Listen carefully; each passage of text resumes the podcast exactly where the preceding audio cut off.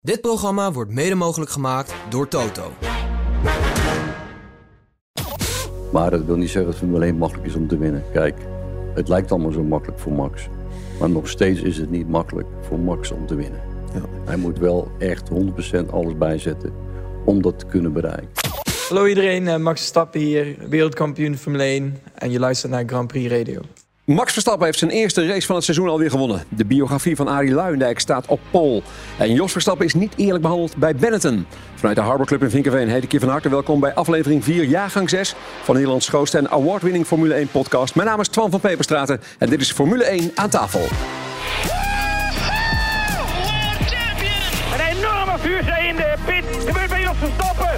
I'm here like a cow. Get me out of this fire. This has been incredible. Points on debut. There's something loose between my legs. Simply lovely, mate. Yo hey, yo ho. I guess Verstappen won. Dit is de grootste Formule 1-podcast. Formule 1 aan tafel. Met vandaag ook weer drie gasten aan tafel. Arie Luijendijk is er, IndyCar-legende. Rookie of the Year in 1984. Tweevoudig winnaar van de Indy 500. Drie keer pole op Indy. Snelste qualifier ooit, et cetera, et cetera. Een hele lange lijst. Leuk dat je bent, Arie. Ja, Ehm, dankjewel. Jouw biografie komt eh, 27 januari uit. Heb je enig idee hoe zwaar die is? Hoe zwaar die is? Ja, ze hebben gezegd 2,5 kilo of zoiets. 2,5 kilo papier. Dat is een hoop papier. En dan zegt iedereen in Amerika van... nee, neem voor mij ook een boek mee. Ik zeg, ja, dat, gaat, dat zal niet gaan. Goed, gaan we het zo meteen uitgebreid over hebben. Ook Michel Blekemolen is er, voormalig Formule 1-coureur en eh, nou ja, ondernemer van Race Planet. Heb jij ook ooit overwogen om naar Amerika te verkassen? Eh, nee, niet echt. Ik weet ook niet. Ik ben zo gewoon eh, gaan wandelen en eh, het is zo gelopen zoals het liep. Ja, nee, niet echt. Nooit eh, benaderd nee. vanuit die kant. En natuurlijk Frans Verschuren is er, voormalig teambaas van onder meer eh, Jos Verstappen. Ehm, zou Arie eigenlijk een goede teambaas zijn? Ik denk dat hij daar eh, geen zin in heeft. En als je daar geen zin in hebt, moet je het niet doen. Maar hij is wel een goede manager, denk ik. Hij is inmiddels alweer bezig aan zijn eh, fysieke gesteldheid om die allemaal op peil te krijgen. Maar Max Verstappen zit ook alweer volop in de simulator en heeft dit weekend alweer zijn eerste race gewonnen. Tijdens de virtuele 24 uur van Daytona was Verstappen de sterkste in de GTD-klasse met zijn team Redline. Hij deed dat samen met teamgenoten Gianni Vecchio en Ole Steinbraten. Ehm ja, rijden, rijden eigenlijk veel coureurs eh, die, eh, die uit IndyCar en de simulator online races? Ja, heel veel. Vooral natuurlijk tijdens de COVID-periode. Maar eh, ja, ik, Max is een van de beste ter wereld, heb ik begrepen. En eh, van de IndyCar-coureurs doen er ook aardig wat mee. Tony Kanaan weet ik dat hij doet. Ik weet dat eh, eh, Simon Pagenaud doet het. En het zullen er wel meer zijn. Ja. Ja, maakt hem dit beter dan, dan veel andere coureurs? dat Mij hij dit niet, ook doet? mij niet, want ik word gelijk ziek op zo'n simulator. Dus voor mij was het al heel snel Daar afgelopen. staat me ook iets bij, ja. Ja, ik kan er niet tegen. Ik word helemaal, dan, dan ben ik de rest van de dag gewoon off. We hebben op Zandvoort Wij- hebben ja, eventjes wij- gedaan en dat was maar eh, vijf minuutjes. Ja. Met VK, met Rieners. We gingen met z'n drieën. En volgens mij stopte jij als eerste na Mhm. één rondje. Ja. Rieners tweede rondje. Ik denk, ik zal en moet het winnen. Na 2,5 rondje. En ik eh, stond ook helemaal te tol. Ik kan er ook niet tegen. Maar wat is het dan dat je daar, daar zo misselijk van wordt? ja, ik weet het niet. Eh, Ik weet het. ik geloof dat het hetzelfde is als in een rollercoaster, zeg maar. Nee, het is, eh, jij bent gewend als je het rempedaal intrapt, dan dat je evenwichtsorganen dat eh, registreren. Ik heb er nooit bij, accelereren. eh, ja, ik heb er nooit bij stilgestaan waarom het dan zo is. Maar volgens mij de echte simulators waar zeg maar, Verstappen in rijdt eh, met Formule 1 testen, die zijn zo goed dat Ja, het misschien als, wel goed als zal je gaan. die eh, G-krachten dan bij hebt, hè, want als je dan remt, gaat gewoon de, de capsule waar je in zit, gaat naar voren hangen en dan lijkt het net remmen. En dan is het weg. Dat weet ik. Dat heb Ja, ik zelf meegemaakt. Oké. Ik weet nog wel, Race Planet had een van de eerste simulatoren. Die stonden op een vrachtwagen. Daar konden er 15 man in. Ja. Klopt, hè? Er Niet? kwamen er twaalf uh, ziek uit. Ja. ja, dat klopt, ja. En het feit dat hij die 24 uur zomaar wint al, al gelijk. eh, Betekent dat ook dat hij als hij volgende week in een auto, auto zou stappen... dat hij mee zou doen voorin? Ja, maar overal waar hij in stapt, doet hij mee. Dat is zijn gave. Ik heb hem wel eens in een eh, Cup Porsche zien rijden. En dan reed hij gewoon een tiende van de pol waar een gozer twee, twee, twee dagen mee bezig was. Als het maar een beetje een goede auto is dan. Ja, dezelfde auto dan. Ja, maar ja. hij kan dat gewoon en dat is eh, ja, een gave. En ik denk ook dat hij in de toekomst gaat hij echt lange afstandsracen doen. Dat is al een van, heeft hij al aangegeven. Dat vindt hij hartstikke leuk. Hetzelfde als zijn vader. Ja, want jij zit hem dus ook gewoon voorin rijden als het zou moeten.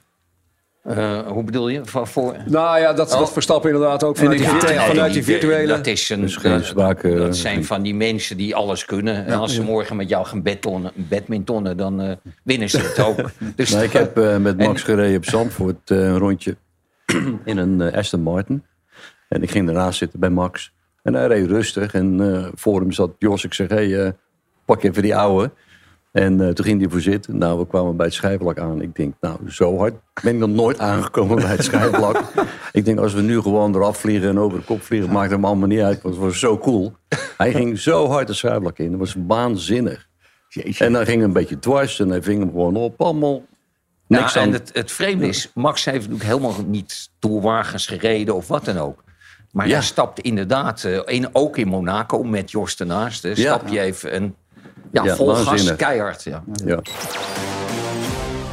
Vandaag een zeer speciale gast hier aan tafel, Arie Luijendijk. Een van de Nederlands grootste autocoureurs aller tijden.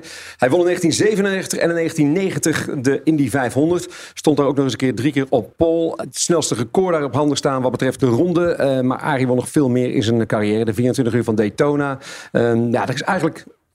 Wat heb je eigenlijk niet gewonnen, zou ik bijna willen zeggen. Nou, dat is best wel veel dat ik niet gewonnen heb. Nee, dat eh, nee, het is een mooi rijtje. Ik heb natuurlijk de, de klassiekers van sportwagenraces in Amerika heb ik beide gewonnen. Ja. In 9, nee, acht- 89 ehm, was het met Nissan. Toen wonnen we de 12 uur van Sebring. En dan in 98 met een Momo Ferrari eh 333 SP. wonnen we de 24 uur van Daytona. Ben je er vaak in Nederland? Eh, elk jaar wel een keer. Ja, want je voelt je gewoon Amerikaan. Nou, ik- we hebben nog steeds een woning in Nederland, een flat in eh, Den Bosch, die we ooit eens gekocht hebben in, in eh, de mid-90s, zeg maar. En toen gingen we altijd met de kinderen in de zomer hier naartoe, want eh, we hadden dan, of ik reed niet meer, of ik had een, een klein seizoen, zeg maar. Dus we konden altijd in Nederland. We hadden het al even over jouw biografie. 2,5 kilo zwaar. Het was er tijd voor? Nou, Mark Koensen, waar ik dus, eh, het is eh, eigenlijk tot stand gekomen. Ik schreef dus een column voor eh, RTL GP Magazine. Maar dat deed ik al vanaf, ik dacht 11 of 12. Dus we hadden al die verhalen, hadden we. En Mark zegt, waarom bundelen we die niet samen in een boek? En dan doe je nog wat verhalen erbij. En natuurlijk foto's, plenty. Dus ik, er zitten bijna 600 foto's in. Dus Ja. het is een heel groot coffee table boek, zeg maar. En ik heb het nog niet gezien, het eindproduct. Maar ik weet precies wat erin staat. Want ik heb bijna alles eh, zelf geschreven. En het is een project geweest van ongeveer vijf jaar, hè? Vijf jaar en eigenlijk meer. Want eh, we begonnen natuurlijk met die columns al eh, in 2011 of 12. En, en er is natuurlijk ook in te lezen dat jouw start, jouw begin, was vrij moeilijk, hè? Ja, ik ben eigenlijk gestart met racen. Formule V gereden, Formule Ford, Formule 3. En toen ben ik eigenlijk gestopt met racen. Toen ben ik naar Zuid-Afrika gegaan voor een half jaar. Maar toen ben ik eh, toch maar weer te- eh, naar huis gegaan, naar, eh, naar Holland. En, en Jaap had een oude Formule V staan. En toen ben ik weer met Formule V gaan beginnen, de, gaan racen. Dus begonnen, opgehouden, weer begonnen. Ja. En toen merk je dat het... Toen zat het mee. Het zat daarvoor, daarvoor voorheen ook mee. Maar ja, nou moet je het boek lezen.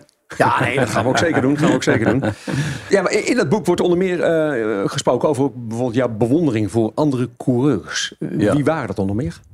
Nou, er zijn er, ik zal er best wel wat vergeten, maar eh, ja. Kijk, Nicky Lauda is er eentje van. Ehm, bijvoorbeeld, ik ga naar rensport vaak. Elke vijf jaar ga je naar Porsche Rensport. En dan kom je Vic Elfert, helaas overleden, die kom je tegen. En Jochem Maas. En, eh, en mensen zoals Derek Bell en, en eh, Brian Redman. Al die mannen van de jaren 60 en 70 waar je als kind tegenop keek. En Jackie X. Jackie X vond ik gewoon waanzinnig, weet je wel.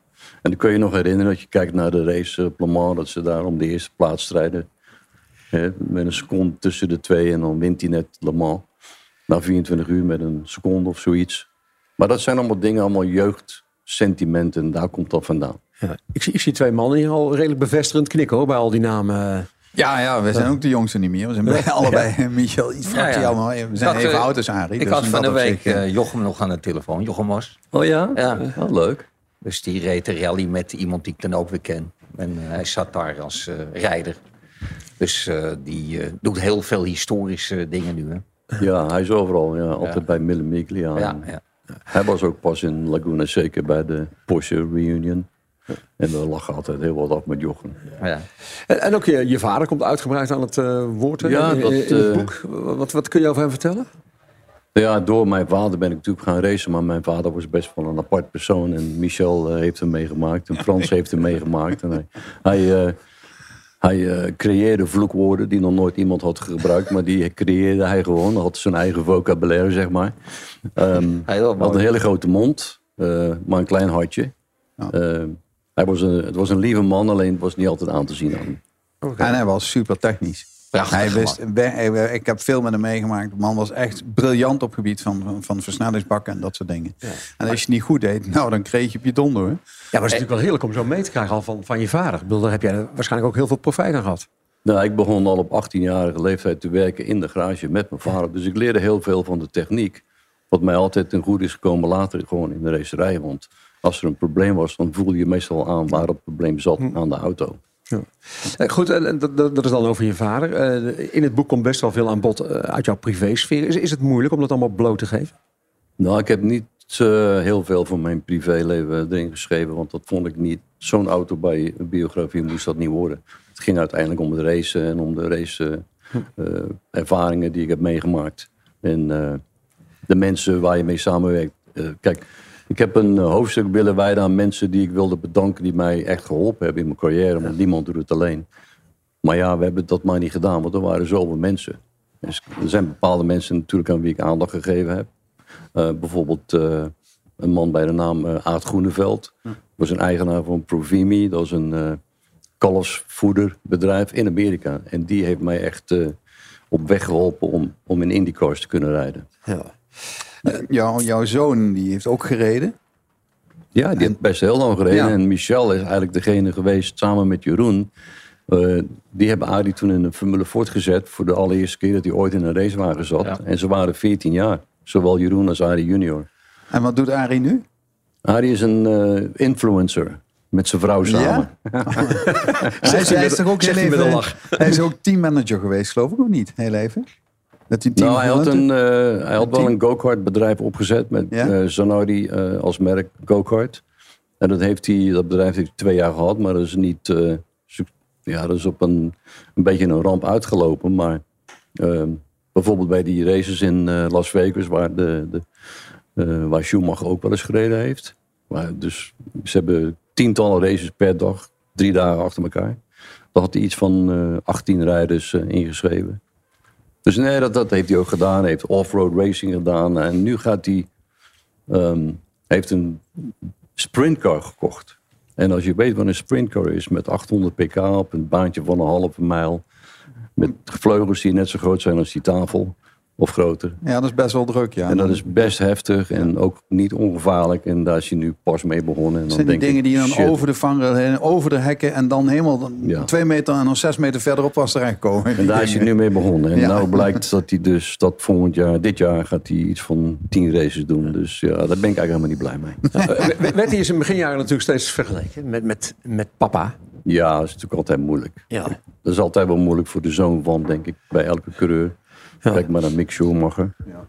Eh, en zo zijn er nog eh, veel voorbeelden. Wat we Eh, natuurlijk altijd van jou willen weten. Welke was nou mooier? 1990 of 1997?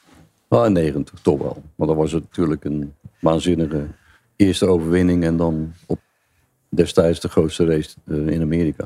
En was dan 97 misschien nog wel een bevestiging? Dat je nog steeds ertoe deed? Dat was zo'n beetje van, hè, zo hè, hè, nou heb ik hem eindelijk weer een keer gewonnen. Want dat zat er wel aan te komen tussen die eh, zeven jaren.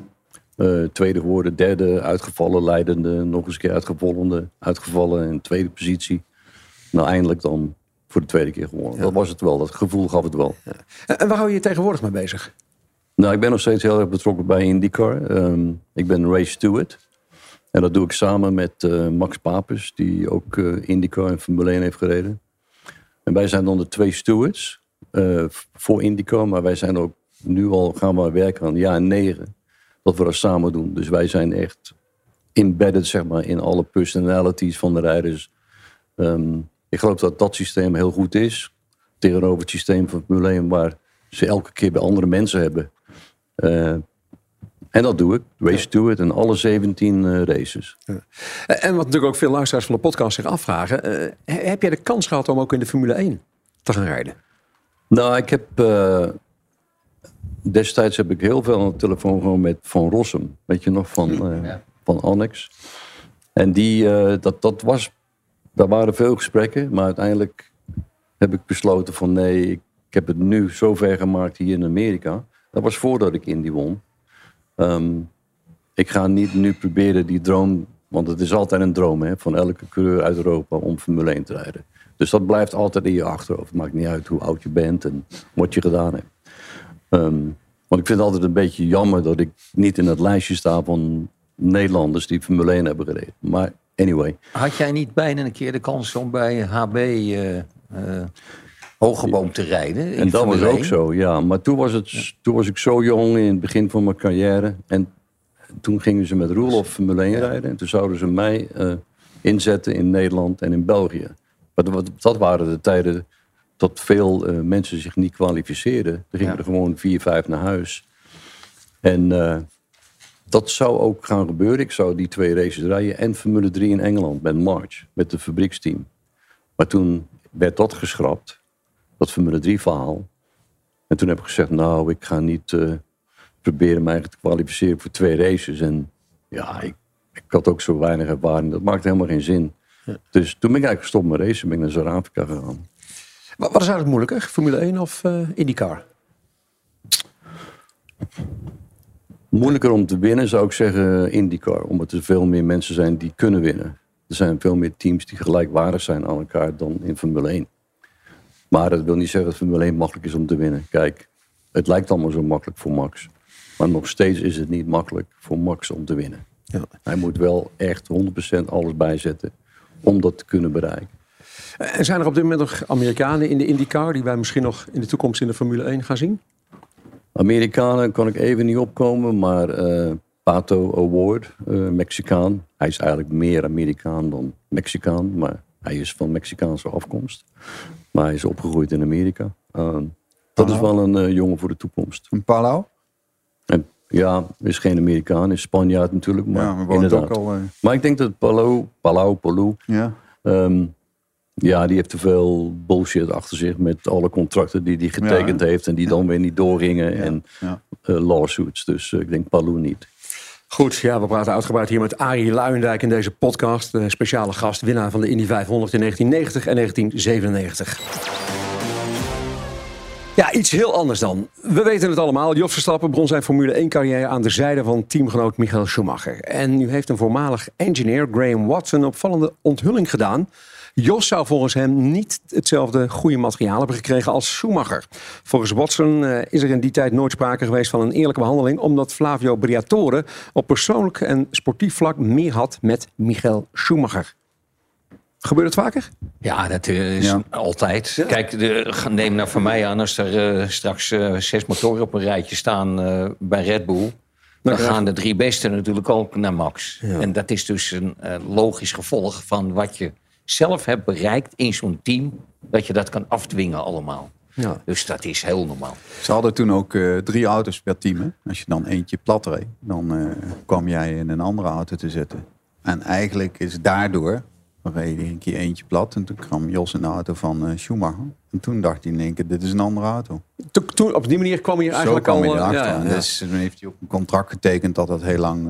Maar als, ik zeg, wat vinden jullie ervan? Dan, is het, dan zeggen jullie eigenlijk, dat is vrij logisch. Dat, dat de kopman... Nou ja, helaas, helaas is dat een autosport. En dat, dat blijf je houden. En dat blijf je nu nog steeds in de Formule 1 houden. Je blijft het ook houden. Dat is dan met lange afstandsracen ook. Als er dan eentje voorop ligt. Maar dat andere team dat, dat heeft betere kansen. Dan moet jij dus nog twee, drie rondjes langer op die versleten banden rijden. Omdat die andere eerst binnen moet komen.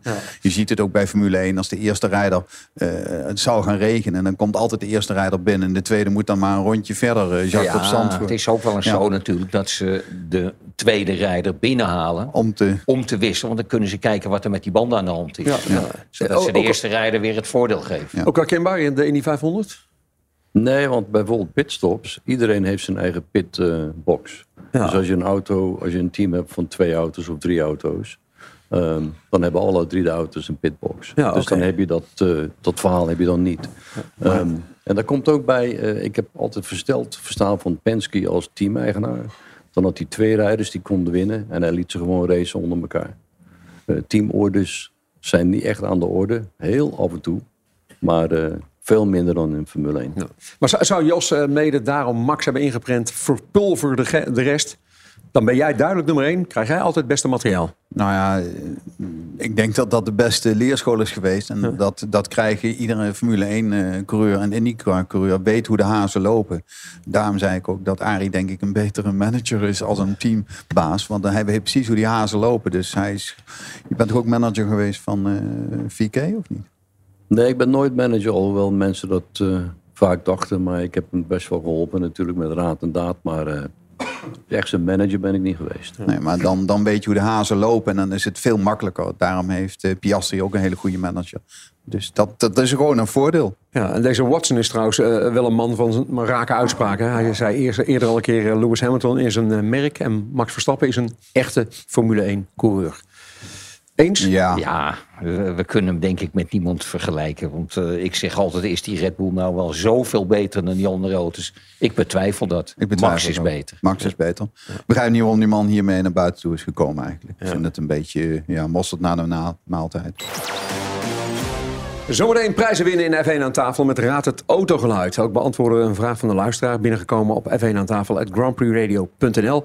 En een gouden tip, word ook lid van ons Telegram kanaal en krijg onder andere achter de schermen content van deze podcast. Zoek in de Telegram app naar voor je smartphone naar F1 aan tafel. Tot zo! Kaarten voor de officiële Max Verstappen tribunes in 2024 voor de grote prijs van Oostenrijk, Hongarije en België zijn vanaf nu alleen verkrijgbaar bij verstappen.com. Moedig Max ook in 2024 aan en koop snel je kaarten. Verstappen.com is het enige en officiële verkoopkanaal van tickets voor de Max Verstappen tribunes. Uh, we call that simply lovely.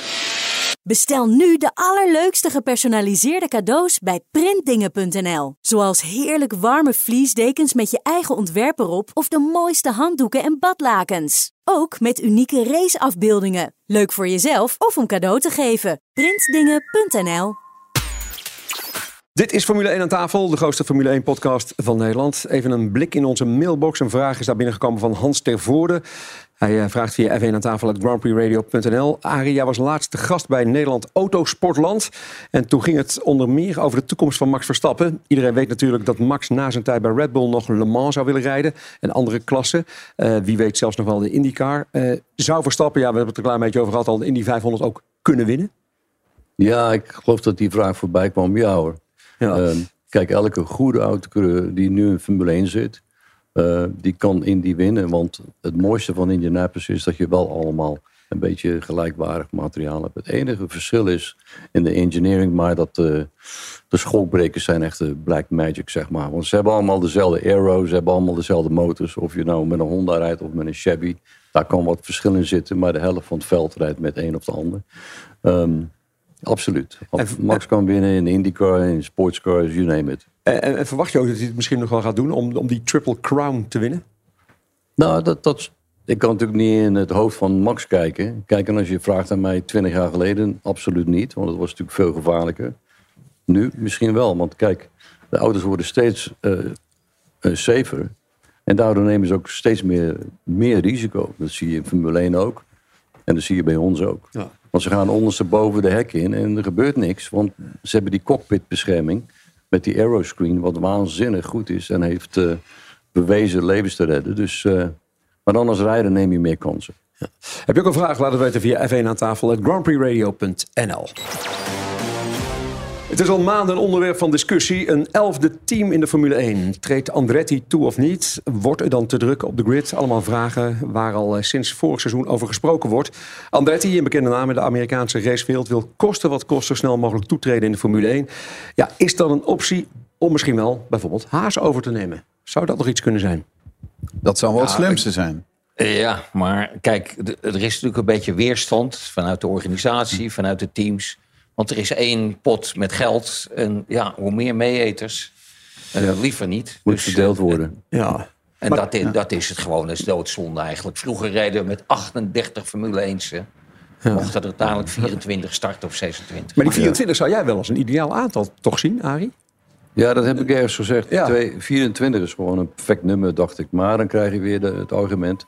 Nou, dan moeten we zo wel meer pitboxen bouwen. En de Precies. pitstraat De zijn- circuit is dat is een beetje misschien de, de handicap op dit moment. Zandvoort is nu eh, vijf boxen aan het bijbouwen. Omdat ze te weinig boxen hadden voor die 20 auto's. En misschien wel het vermoeden van, stel dat er een uitbreiding komt, dat wij in ieder geval nog wel mee kunnen doen. Nou, ja, maar die komt ook pas in 26. En of de Zandvoort dan nog, ik denk niet dat die vijf boxen die ze nu hebben, die waren verplicht om die bij te bouwen voor het veld wat ze nu hebben. Ja.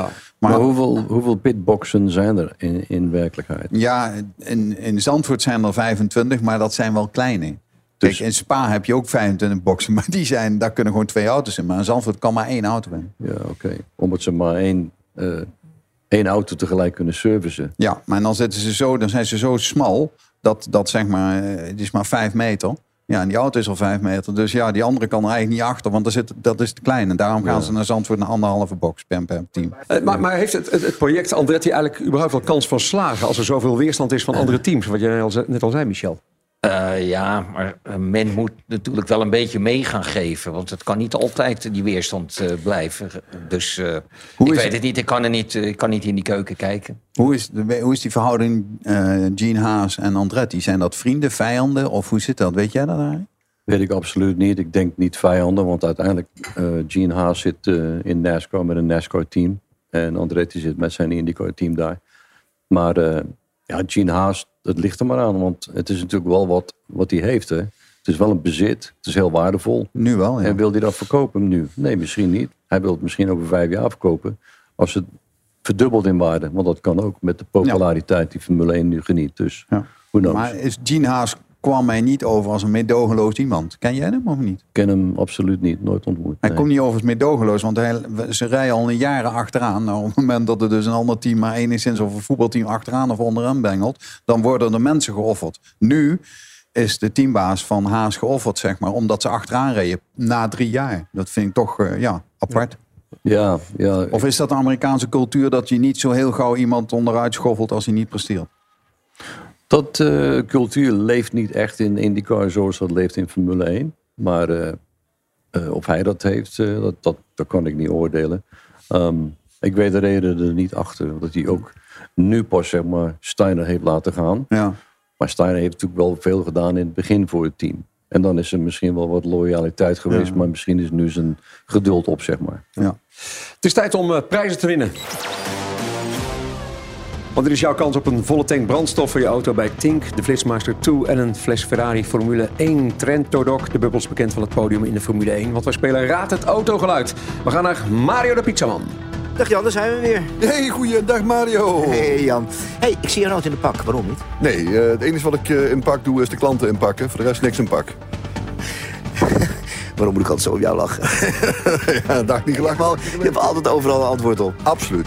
Eh, je zit in een BMW. Laten we daar maar eh, eerlijk over zijn. Ja, Eh, bij die Meisterwerken. en eh, hij is al wat ouder, denk ik. Ja, hij is een, ietsjes ouder. Het is, eh, hij is 2020. Ja, ge- gedateerd modelletje. Maar wel mooi. En een goed geluid volgens mij ook. Absoluut, zonder kap en toch een goed geluid. Laat horen. Ik slinger hem aan voor je. Ja, ja. Twee mooie uitlaatpijpen eronder en een topgeluid. Waar vinden we deze auto? Ja, een heerlijke zescilinder BMW'tje. Die vinden we natuurlijk op www.paulvanbergen.nl. Ja, daar vind je hem wel. Welke auto zoeken we? Stuur je antwoord uitsluitend en alleen naar F1 aan tafel. Het GrandPrixRadio.nl. De winnaar van vorige week is Arthur van Lange. Gefeliciteerd je met een volle tank eh, brandstof bij Tink, de Flitsmeister 2. Dat je niet meer te hard rijdt. En een fles Ferrari Trento Doc, bekend van het Formule 1 podium. De nieuwe naam van Alfa Tauri lijkt bekend te zijn, of in ieder geval uitgelekt te zijn. Op het Instagram van het eh, team verscheen tijdelijk de naam Vi- Visa Cash App Racing Bulls. En we mogen aannemen dat dit de nieuwe naam zal zijn in 2024. Dat het eh, team Racing Bulls zou gaan heten was al redelijk bekend. Maar met al die eh, nieuwe titelsponsoren erbij is de naam dus nu compleet. Daarnaast zal het team ook meer onderdelen van de RB19 integreren in een nieuwe wagen. En zal een deel van de aerodynamische staf van het Italiaanse team naar Milton Keynes verhuizen. Ja, ze doen er alles aan om die synergie hierbij enigszins te vergroten. hè? Ja, dat hadden ze twee eerder al moeten doen, vond ik.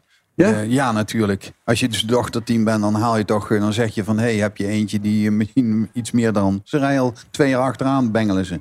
Dan had ik echt daar een paar jongens weggehaald, al veel eerder. Maar ja, dat is eh, Toast, eh, die is daar, daarom is ook geofferd, denk ik. Ik denk dat, dat ook daar dat team niet achteraan mag rijden. Zeker niet als de so- dochterteam van, eh, van Red Bull, dat kan niet. Ja, want veel andere teams zijn best bang voor een, een verdere samensmelting. Is, die angst terecht? Nou ja, het mag ook niet op alle gebieden Nee, niet van, alles, de, Er is al van wat, de FIA. eh, ja, er is al wat Dus- gaande daarover. Ja. Ja. Ja, maar dat is al jaren gaande. Maar Dus, eh, je goed, ziet ook dat, dat eh, Aston Martin, die kopieert de Red Bull ook. eh, eh, Mercedes en Williams, die trekken ook steeds verder naar elkaar. Dat blijf je toch houden. Ja. En er Ja. zijn onderdelen die je mag uitwisselen. Ja, er zijn onderdelen die je mag uitwisselen. En ik kan me voorstellen dat je een triangel, hè, dat gaat op de millimeters natuurlijk verschil. Eh, dat ze daar natuurlijk eh, wat info naar een zusterteamje Ja, kunnen geven. Als ze dat niet doen, dan eh, Ja, dat, vond ik zo raar. Ja, heel vreemd. Wat, zouden ze ook, bijvoorbeeld bij Alfa Tauri kunnen doen... eh, wat in het voordeel is van Red Bull Racing? Wat, wat andere teams niet kunnen doen? Ja, die hebben ook eh, natuurlijk die hebben meer windtunneltijd. Dus ze kunnen daar best wel eens zeggen van... hé, hey, we hebben hier een finnetje daar en doe, doe dat eens even bij jullie in die windtunnel. En dan hoeven ze niet hun Red Bull windtunneltijd Ja. op te offeren. Ja. En dan zeggen nee, het werkt niet. Oké, dat is dan jammer voor jullie, maar dan weten we dat dat niet hoeven te doen. Ja. Maar de conclusie is in ieder geval wel weer twee Amerikaanse titelsponsoren erbij. Eh, wordt de Amerikaanse invloed niet te groot? Nou, hij is best wel groot, ja, inderdaad. Nu alweer drie races in Amerika. En natuurlijk met eh, Liberty Media, die het eigenaar is van dat spul. Dus, hey, ehm, Goeie of, slechte, het- goeie of slechte ontwikkeling? Nou, geen slechte ontwikkeling. eh, want uiteindelijk, de sport heeft veel geld nodig. Oftewel sponsors. Dus eh, hoe meer, hoe beter, lijkt mij. Ja, mee eens Frans? Ja, ik vind het niet alle squeeze even ideaal. Ik vind Miami nog steeds een beetje kritisch. Maar Ja. eh, eh, die andere vind ik wel mooi. Het is bekendgemaakt, de dag waarop de RB20 aan de wereld getoond zal worden. Op 15 februari komt de kampioensformatie van Red Bull Racing naar buiten met de nieuwe wagen. Natuurlijk valt er buiten de, eh, nou ja, eh, aan de buitenkant niet veel te zien, want pas tijdens de wintertest laten teams vaak het achterste van hun tong zien. En zelfs dan eh, nog niet eens alles. Max Verstappen denkt dat de dominantie niet meer zo duidelijk in cijfers is uit te drukken. Maar naarmate de reglementen hetzelfde blijven, de wagens steeds dichter bij elkaar gaan komen. Verstappen verwacht dat andere teams met hun 2024 creaties dichter bij Red Bull zullen komen. Zullen we grote veranderingen gaan zien aan die RB20? Mm, denk het niet, want ja, zo succesvol. Ze zullen natuurlijk details, dingen eh, doen. Ja, Frans weet misschien meer, maar eh, Nee, dat laten ze ook zeker met de introductie niet zien. En ook nog bij de wintertest niet. Die gaan echt pas, zeg maar, de- vrijdagmorgen. Bij de gaan, eerste race. gaan die, de, in Bahrein gaan ze er pas op. En dan, eh, ja, het werkt of niet, dat weten ze dan al lang. En, en Red Bull heeft vorig jaar natuurlijk de mazzel gehad dat ze heel ver vooraan reden door Max. Waardoor ze eigenlijk al met, met 24 konden beginnen. Nou, als je zoals, zoals eh, Ferrari moet en Aston Martin moet, ja, dan vecht je in, in, in 23 voor je plek. Maar hun denken, we zijn er al. We beginnen met, met nu dingetjes te doen voor 24. En dat is een voordeel. ja, Volg je het het is- allemaal nog heel erg, Arie, wat er allemaal gebeurt op dat gebied eh, van de ja, auto's ik en de volg het wel. En natuurlijk, eh, ik vind eh, als ik zeg maar nu race steward ben in IndyCar, moet je ook wel kijken wat ze doen in Formule 1. Want sommige dingen zijn in Formule 1 natuurlijk heel goed wat betreft reglementen eh, voor de stewards. Eh, dus nee, ik hou alles goed in de gaten. Ehm, maar ja, kijk, wij lezen natuurlijk dingen en dan, dat is eigenlijk al wat je weet. Want je leest het van een, een derde source, zeg maar.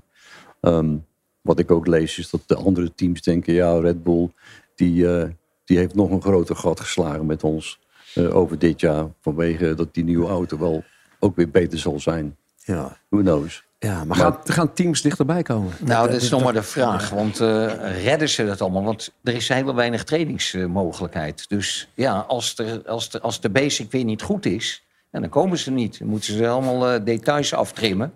Maar dat wil niet zeggen dat je dan weer een winnende auto hebt. Hè? Ik denk dat de teams dichter bij elkaar komen, maar Max nog steeds ervoor zit. Ja, Maar ja, je je? ja, ja, ja, Ja, ja, nee. dat is gewoon een apart iemand. En, Maar je hebt ja, ook te maken met de budget cap. Dus als jij tijdens Weinig schade. 2023 ehm, al er tegenaan zit, Ferrari heeft best wel wat schade gehad. Nou, die hebben dan geen budget over om nog meer windtunnels te doen. Dus dan zijn ze daar weer achter, doordat ze al die ongelukken hebben gehad. En pech met motoren en noem maar op. Maar goed, de conclusie is gewoon eigenlijk... als je zo'n goede wagen hebt, op welke punten kun je hem nog verbeteren? nou, eh, goede wagen. Je hebt Max. dat vind ik belangrijker als een Zet wagen. Max lekker in de McLaren. Ja, En dan dan, hebben hij we ook. hetzelfde. Toch nog even, Arie, wat is nog niet ter tafel gekomen? Want eh, straks eh, de- de- is de podcast voorbij en dan denk ik, we, we zijn die vraag nog vergeten te stellen aan Arie nou, Luijendijk. nou, ik zou het niet weten, maar ik was bijvoorbeeld in Las Vegas. En de laatste keer bij een Formule 1 race was, was toen Max nog in de Toro Rosso reed. En dus eh, ik ben naar Vegas gegaan en eh, er werd heel veel gesproken. En ik zei het ook, het is een hoop bullshit, het is een hoop show, het is een hoop dit. En Maxi vond dat ook. Maar aan het einde van de dag, ik had, ik had wel voorspeld, we gaan een goede race krijgen. Want het is een stratencircuit, komt wellicht een yellow, wellicht een pacecar. Dan begint het weer. En eh, lang rechtstuk, TRS. Dus we zullen wel wat actie zien. En dat is ook gebeurd. En uiteindelijk was het een goede race. En ik denk dat volgend jaar dan eh, zijn de teams ook wat beter geprepareerd voor dat circuit. Dat je dan een nog, want die race was close, hè, van 1 tot 10, 11, 12. Dat zat constant bijna in hetzelfde scherm voor een lange tijd. Ehm, dus dat was wel aangenaam, een aangename verrassing voor het evenement. Vond, je, vind jij niet, eh, je maakt dus allebei mee dat de, de IndyCar veel opener en toegankelijker is voor mensen dan de Formule 1? Formule 1 wordt er helemaal afgezonderd. Daar komen wij bijna niet de pits in. Ik was in Amerika bij IndyCar. Ik stond versteld dat ik zomaar met Danny Patrick kon praten en al die dingen. Die mensen praten gewoon als- alsof ze ook normale mensen zijn. En bij de Formule 1 wordt een Hamilton die wordt be- behandeld als een god. Ja, dat vind ik jammer. En Amerika vind ik dat heel erg open. Dat is wel Vind de charme van IndyCar, van de Amerikaanse racerij. Ook niet bij NASCAR trouwens. Kun je ook niet over zomaar naar binnen. Maar IndyCar nog steeds. Dat is gewoon part of the culture, zeg maar. Eh, de garage, de paddock is open voor mensen. Die kunnen zelfs een ticket kopen. En dan organiseren ze handtekeningen sessies. Het is allemaal één eh, big happy family, zeg maar. Maar dat is voor de fan wel heel leuk. Ik ken Nederlandse fans die zeggen... we gaan niet meer naar Formule 1. want We mogen nergens bij. En IndyCar Eh, dat, ze altijd. dat is sowieso in heel Europa gaande. Ja. Eh, ik kijk even naar rechts, daar zit mijn spotter van de NASCAR. Maar wij hebben ook heel alles open. Wij hebben ook 30, 40.000 mensen per weekend. En die kunnen allemaal bij ons tot het lijntje van de pitbox kunnen ze kijken. En daar kweek je zoveel goedwil mee. En dat, daar, ja, daar breek je de Formule 1 een beetje mee af. Ja. Eh, Wil ik toch eens even weten van Michel, van Frans. Hebben wij in Nederland eh, door hoe groot Arie is in de autosportwereld? Ik denk dat, wij hem, eh, dat de Nederlandse autosport hem onderschatten. Ja. Ja. Dat is al heel lang geleden, hè? Ja, maar, dat is al wel lang geleden. Maar, bedoel, maar, maar toch, eh, twee keer die in die 500 Ja, dan ben je, een, ben je een held, een grootheid. En ik denk dat Nederland dat te weinig realiseert. Ja. Ja, maar het bloedt natuurlijk een beetje dood. Eh, ik sta laatst met racefans die allemaal naar Formule 1 gaan te praten. Ja. We Ja. wisten de twee mensen niet eens wie Senna was. Maar ja, dat is ook Ja. alweer in Ja, dat is- 94, hè? Ja, ja, ja, dus dat is 30 jaar terug. Dus ja, dat gebeurt allemaal. Mijn gen- of onze generatie, Michel, realiseert hoe groot hij is. Ja, en dan de nieuwe absoluut. generatie, die, die weten het niet. En in Amerika, eh, Arie, eh, gaan nog steeds ontzettend veel deuren open als jij maar ergens komt? Nou, dat valt wel mee. Dat valt wel mee. Het ligt ook een beetje aan mijn personality, denk ik. Ik ben ook niet zo'n, I don't know. Als ik me- mezelf moet vergelijken met iemand die ik niet ben. eh, bijvoorbeeld Nigel Mansell, een drama queen. Alles moet groot. Ze moet vijf hotelkamers hebben, al die bullshit. Bescheidenheid. Ik ben, ik gewoon, ik ben gewoon normaal gebleven en eh, het is prima. En ik hoef ook niet... Ik ben nooit zo geweest van ik moet constant in de picture staan. Ja. Ehm, ik heb een ander leven ook. Ik heb een thuisleven. Ik heb kinderen. Had kinderen. Dat is ook allemaal heel belangrijk. Het is niet alleen maar racerij geweest voor mij. In ieder geval fijn dat je er eh, vandaag wilde zijn. Dankjewel Arie Luijendijk. Dankjewel eh, Michel en Frans voor jullie aanwezigheid. Eh, als dank krijgen jullie allemaal een fles officiële Formule 1 Ferrari Trento Doc. Dezelfde fles die je ook op het podium ziet staan bij de Formule 1. Dit was F1 aan tafel. Redactie Sjaak Beumer. Beeld Rob Steltman. Productie Mario de Pizzaman. En montage Marnix Westhuis. Mijn naam is Twan van Peperstraat. Dank voor het luisteren. En blijf nog even hangen naar de break. Dit is de grootste Formule 1 podcast. 1 aan tafel. I don't even like podcasts. They make me fall asleep, so... Vlieg met GP Ticket naar de Grand Prix van Spanje. GP Ticket heeft een privécharter hiervoor ingezet. Compleet met 4 sterren hotel, transfer van en naar het hotel en de mooiste tribuneplaatsen. Nu voor 1195 euro. Kijk voor alle Formule 1 reizen en losse tickets op gpticket.nl.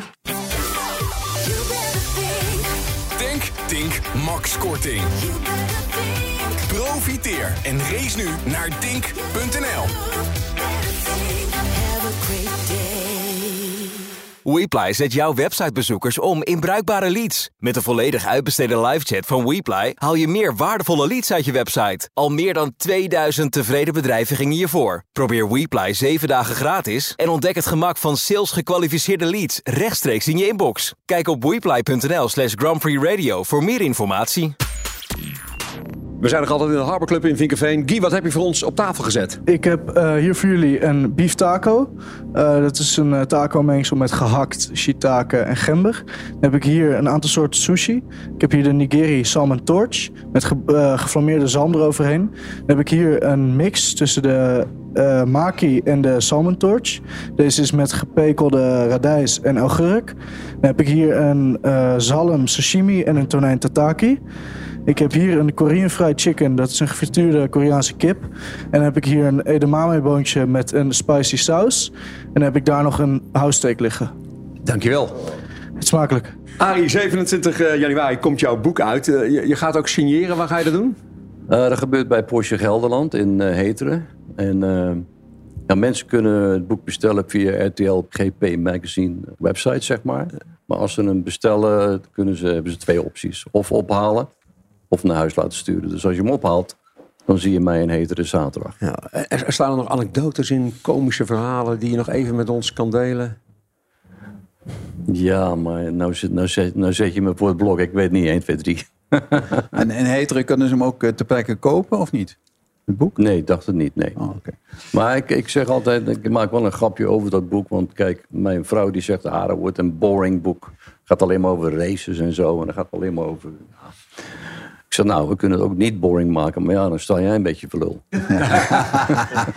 Let op. Alle gebruik van hetgeen in deze podcast F1 aan tafel wordt opgemerkt is ongeoorloofd. Zonder expliciete schriftelijke toestemming te zaken verkregen van Grand Prix Radio. Met inachtneming van een duidelijke, deugdelijke bronvermelding met link.